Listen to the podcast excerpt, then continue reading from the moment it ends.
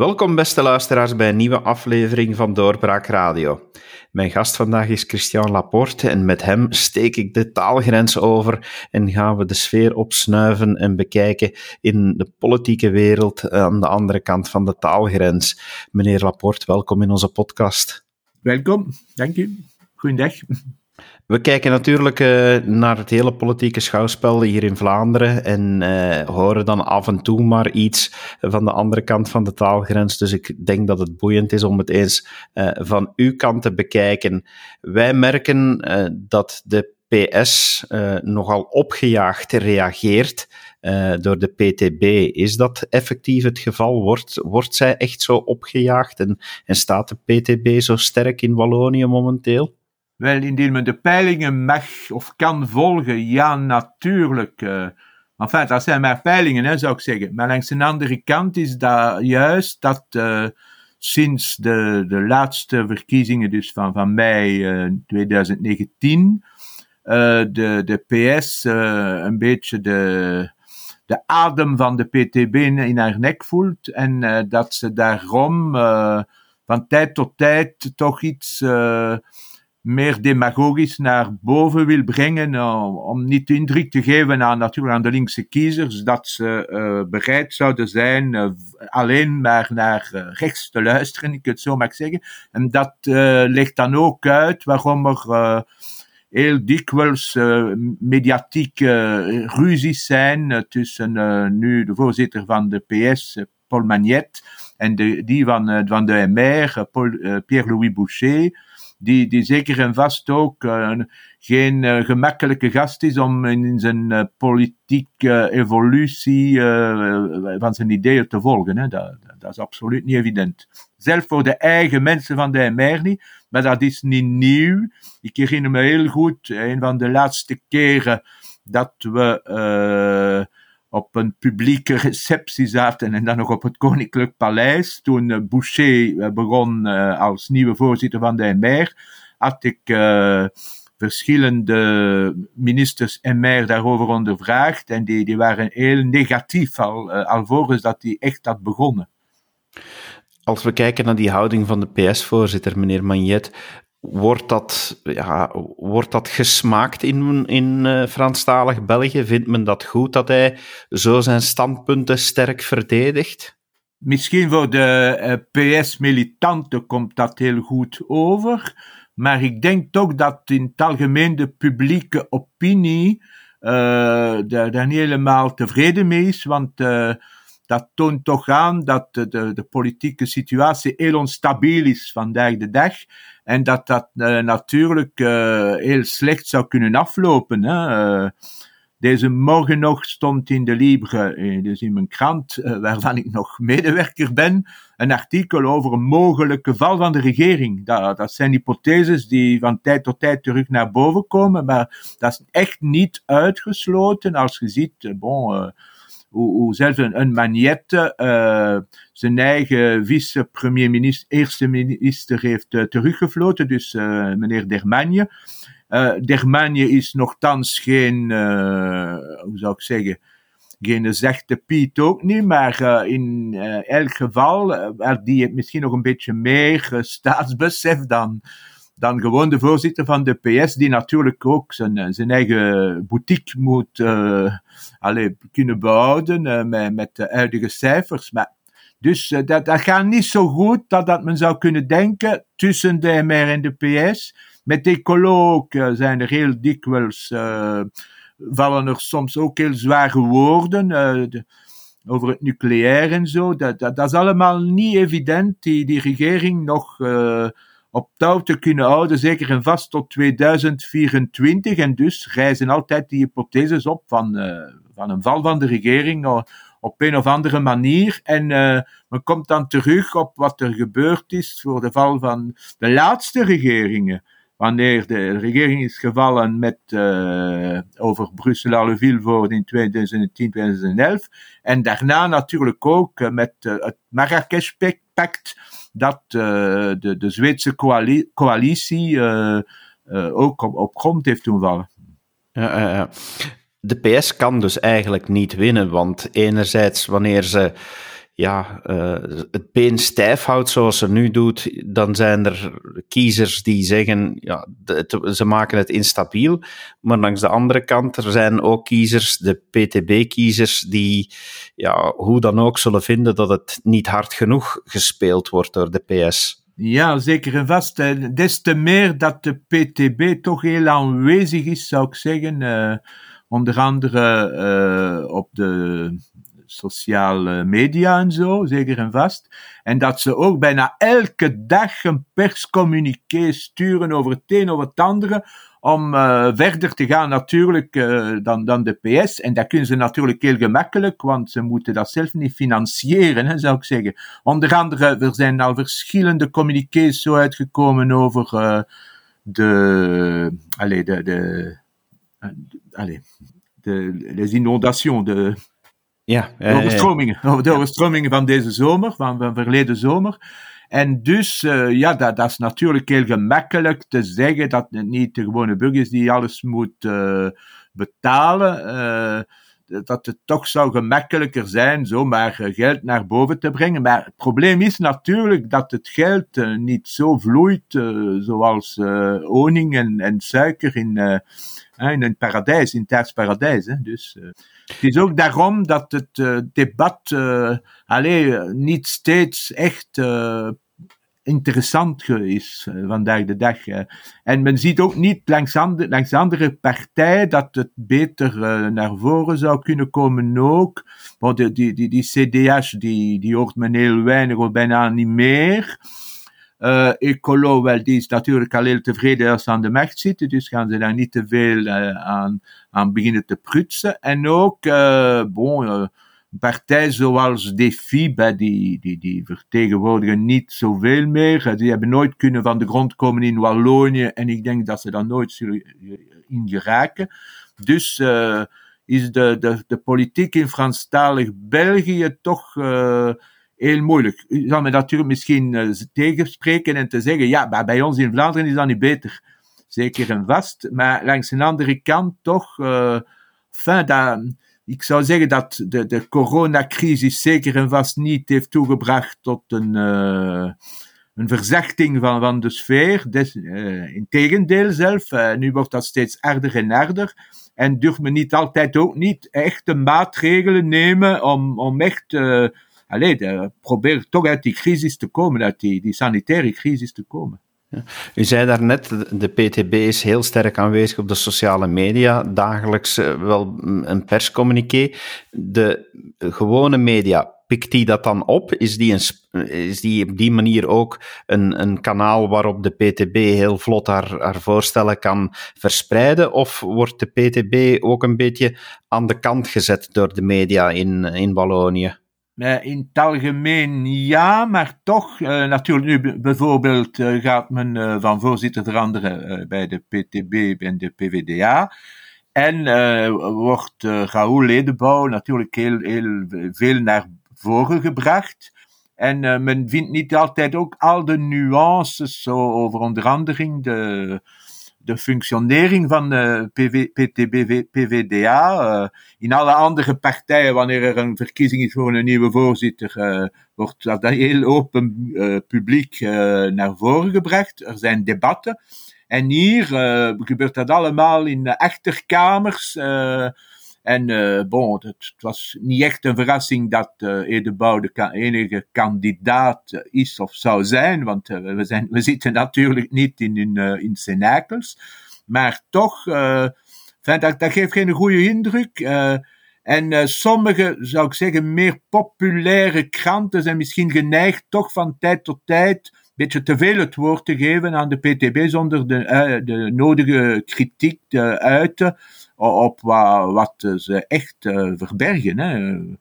Moeten serieus blijven, dat, dat, dat, gaat niet zo gemakkelijk. Uh, en, maar de PTB die, die, die komen ook niet naar voren wanneer ze het niet willen.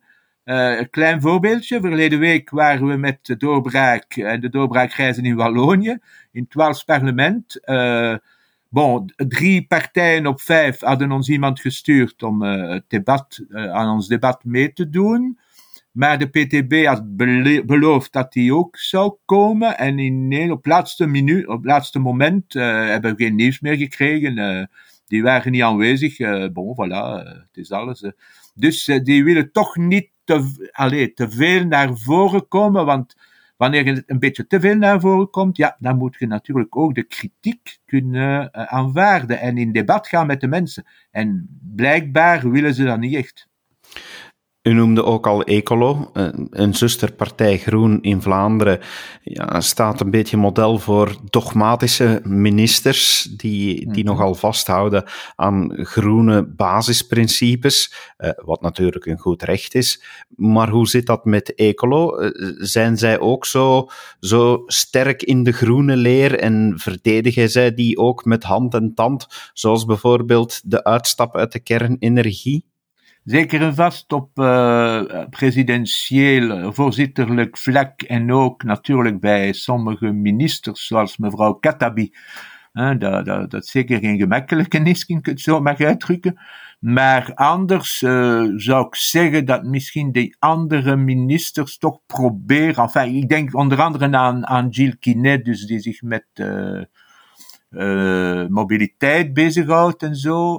bon, natuurlijk, die, die belooft altijd uh, nieuwe treinlijnen en zo, maar men ziet heel weinig uit de bus komen ook. Hè, dus, uh, en dan ook in Brussel zijn ze een beetje, een beetje minder ook in, de, in de voorlinie. Want uh, ze willen natuurlijk iedereen uh, helpen, enfin, iedereen iets bijbrengen. En dat leidt soms dan tot toch erge problemen, zoals problemen, alles wat rond die, die vaccinering, eh, vaccinaties in Brussel uh, gebeurd is, dat, dat die nog altijd uh, op het laagste pijltje zitten, denk ik, van, van dit land.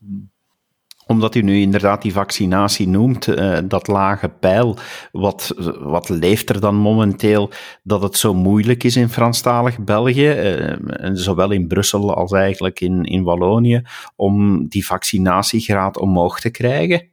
Maar ik denk dat, uh, dat de mensen heel invloedbaar zijn. Zijn die misschien meer invloedbaar dan bij jullie in Vlaanderen? Dat, dat is wel mogelijk. Uh, uh, maar bon, op een zeker moment in, in oktober gingen we enkele dagen naar de kust. Daar, daar, daar in Vlaanderen was, was bijna alles vrij. geen maskers meer in de winkels en zo, in, in de restaurants. Dat was voor de, voor de pas natuurlijk ook. Uh, terwijl men in Vlaanderen, in uh, Wallonië en in Brussel misschien uh, veel meer moest de, de nadruk leggen op de noodzakelijkheid van meer regels te volgen. En dat, dat, dat, dat lag misschien een beetje moeilijk voor sommige mensen, sommige categorieën ook van, van de bevolking. bon, onder andere bij, bij ons kan men niet, naast het feit dat een zeker aantal geïmmigreerden uh, daar, daar absoluut tegen, allez, tegen waren. En uh, ik ken geen statistieken voor Vlaanderen, maar ik heb toch de indruk dat dat daar misschien toch beter is overgekomen. Uh, wat dat misschien ook misschien aantoont dat de, dat de Vlamingen meer aan integratie doen dan, dan de Franstaligen. Uh, voor allerlei dingen. en, en ook in, in Brussel moeten ze zich nog altijd adapteren aan aan alleen dat, uh, die, die, al die regels. En, en dat, komt moeilijk over. En natuurlijk, men ziet nu altijd in, uh, in verkiezingscampagne, zelfs wanneer er geen verkiezingen meer voorzien zijn voor, uh, voor tenminste drie jaar, wel, dat, dat komt heel moeilijk over. En ik heb soms de indruk dat, dat men daar niks aan, wil doen langs, langs Franstalige kant als u zegt, ja, constante verkiezingsmodus, dan denk ik automatisch aan meneer Boucher natuurlijk, eh, die op, op zijn manier ook populair wordt in Vlaanderen, omdat hij sommige dingen zegt die in Vlaanderen ook wel leven.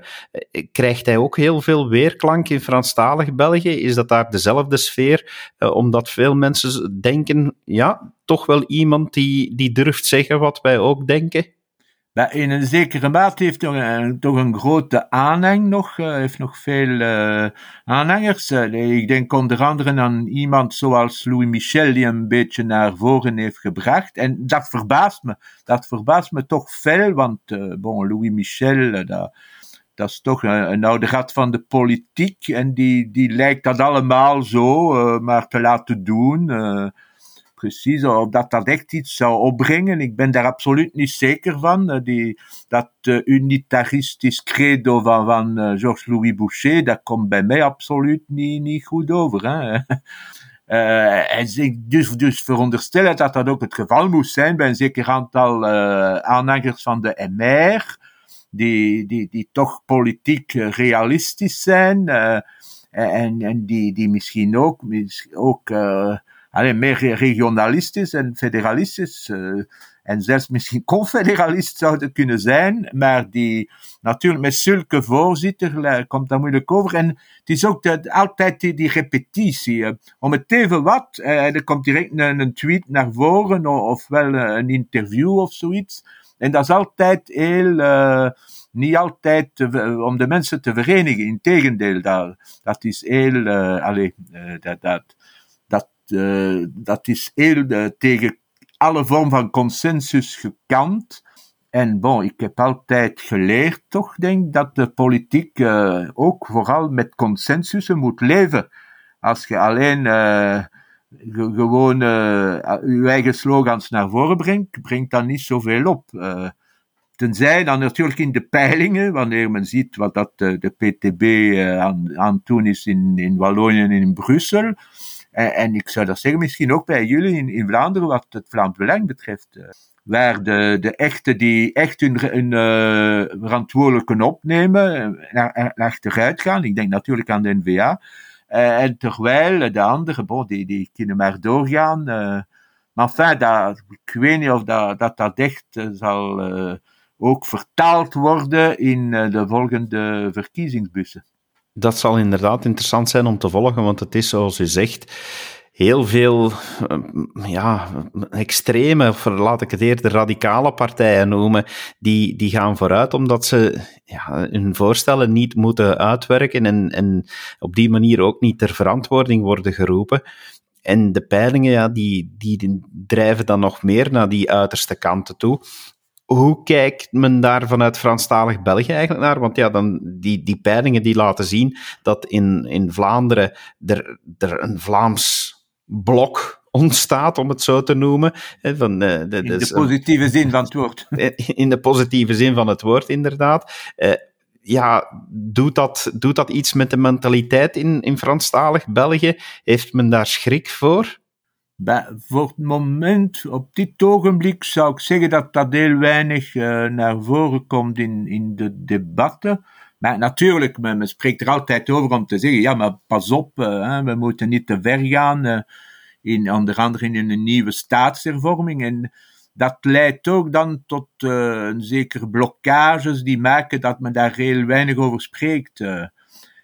Mensen die echt ideeën naar voren brengen, die worden niet altijd goed in de media genomen. Ik denk onder andere aan Philippe de Stad van het instituut Jules Destree, die we verleden week ook hebben ontmoet, die onder andere een uh, recent boek heeft geschreven over uh, een zeker federalisme of confederalisme zelf met vier.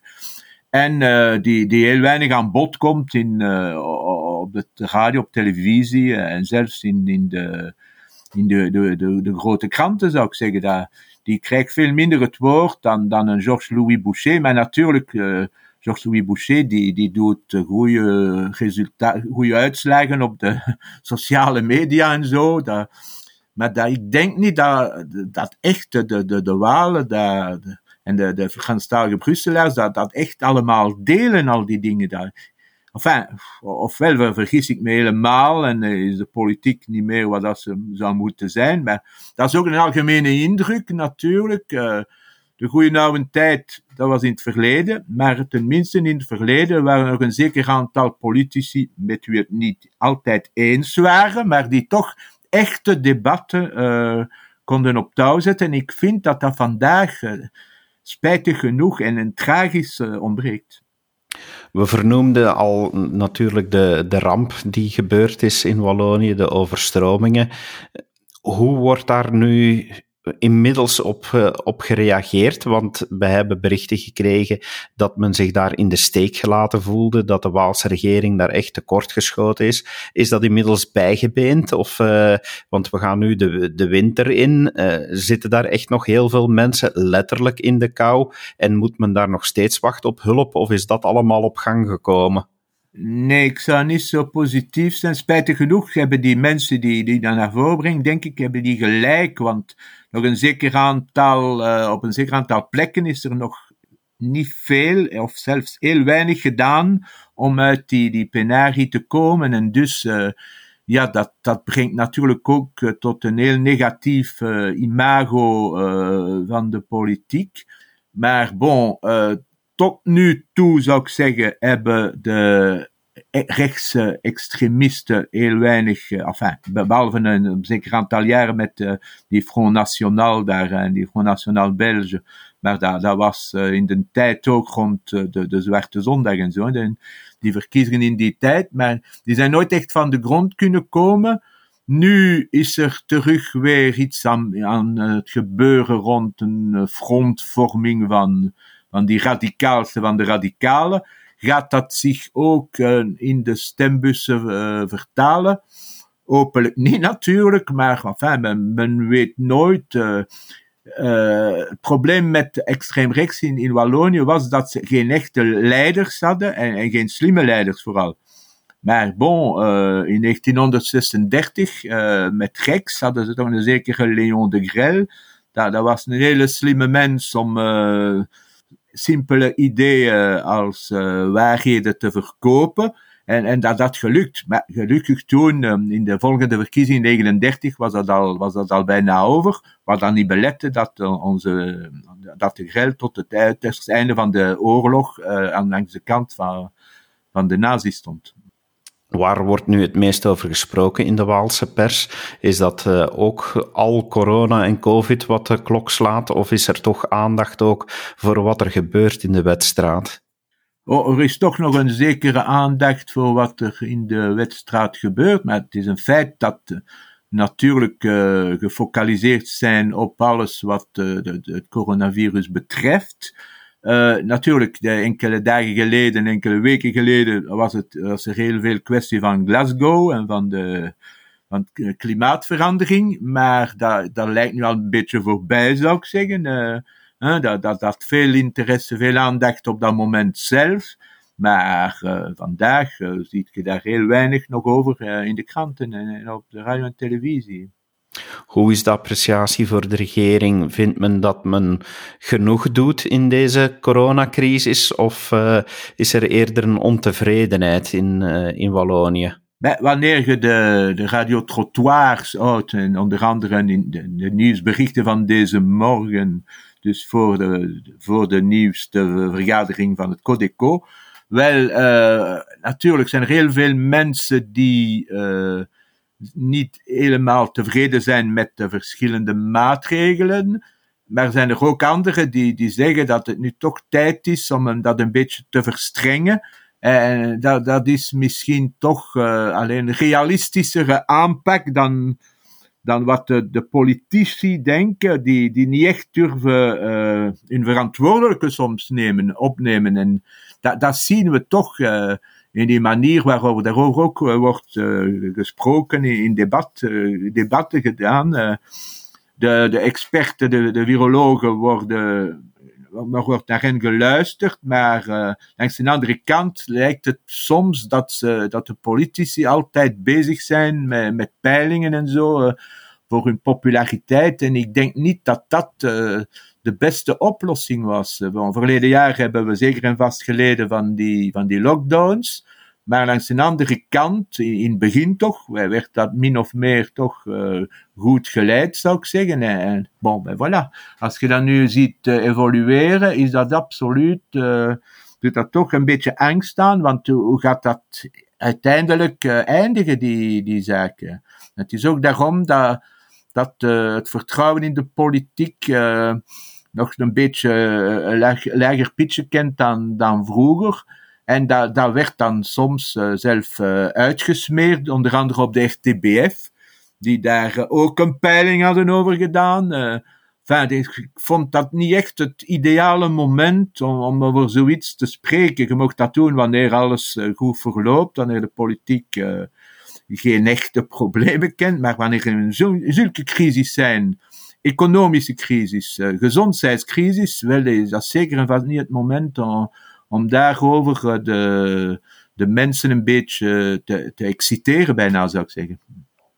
Meneer Rapport, hartelijk dank dat u ons een blik hebt gegund op wat er momenteel leeft en hoe er wordt gekeken naar het politieke schouwspel uh, vanuit Franstalig België. Dank u voor uw tijd.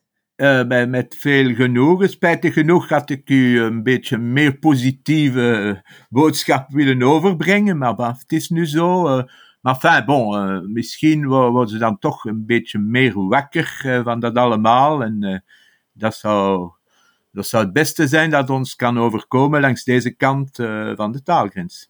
We zullen het mee in de gaten houden en we blijven regelmatig contact hebben om uw blik op het geheel ook mee te kunnen geven aan onze luisteraars. Dank u wel en u, beste luisteraar, dank u wel dat u geluisterd graag gedaan. hebt. En heel graag tot een volgende keer. Dit was een episode van Doorbraak Radio, de podcast van doorbraak.be. Volg onze podcast op doorbraak.be/slash radio of via Apple Podcasts, Overcast of Spotify. Bezoek ook onze website op doorbraak.be en steun ons door een vriend te worden van Doorbraak.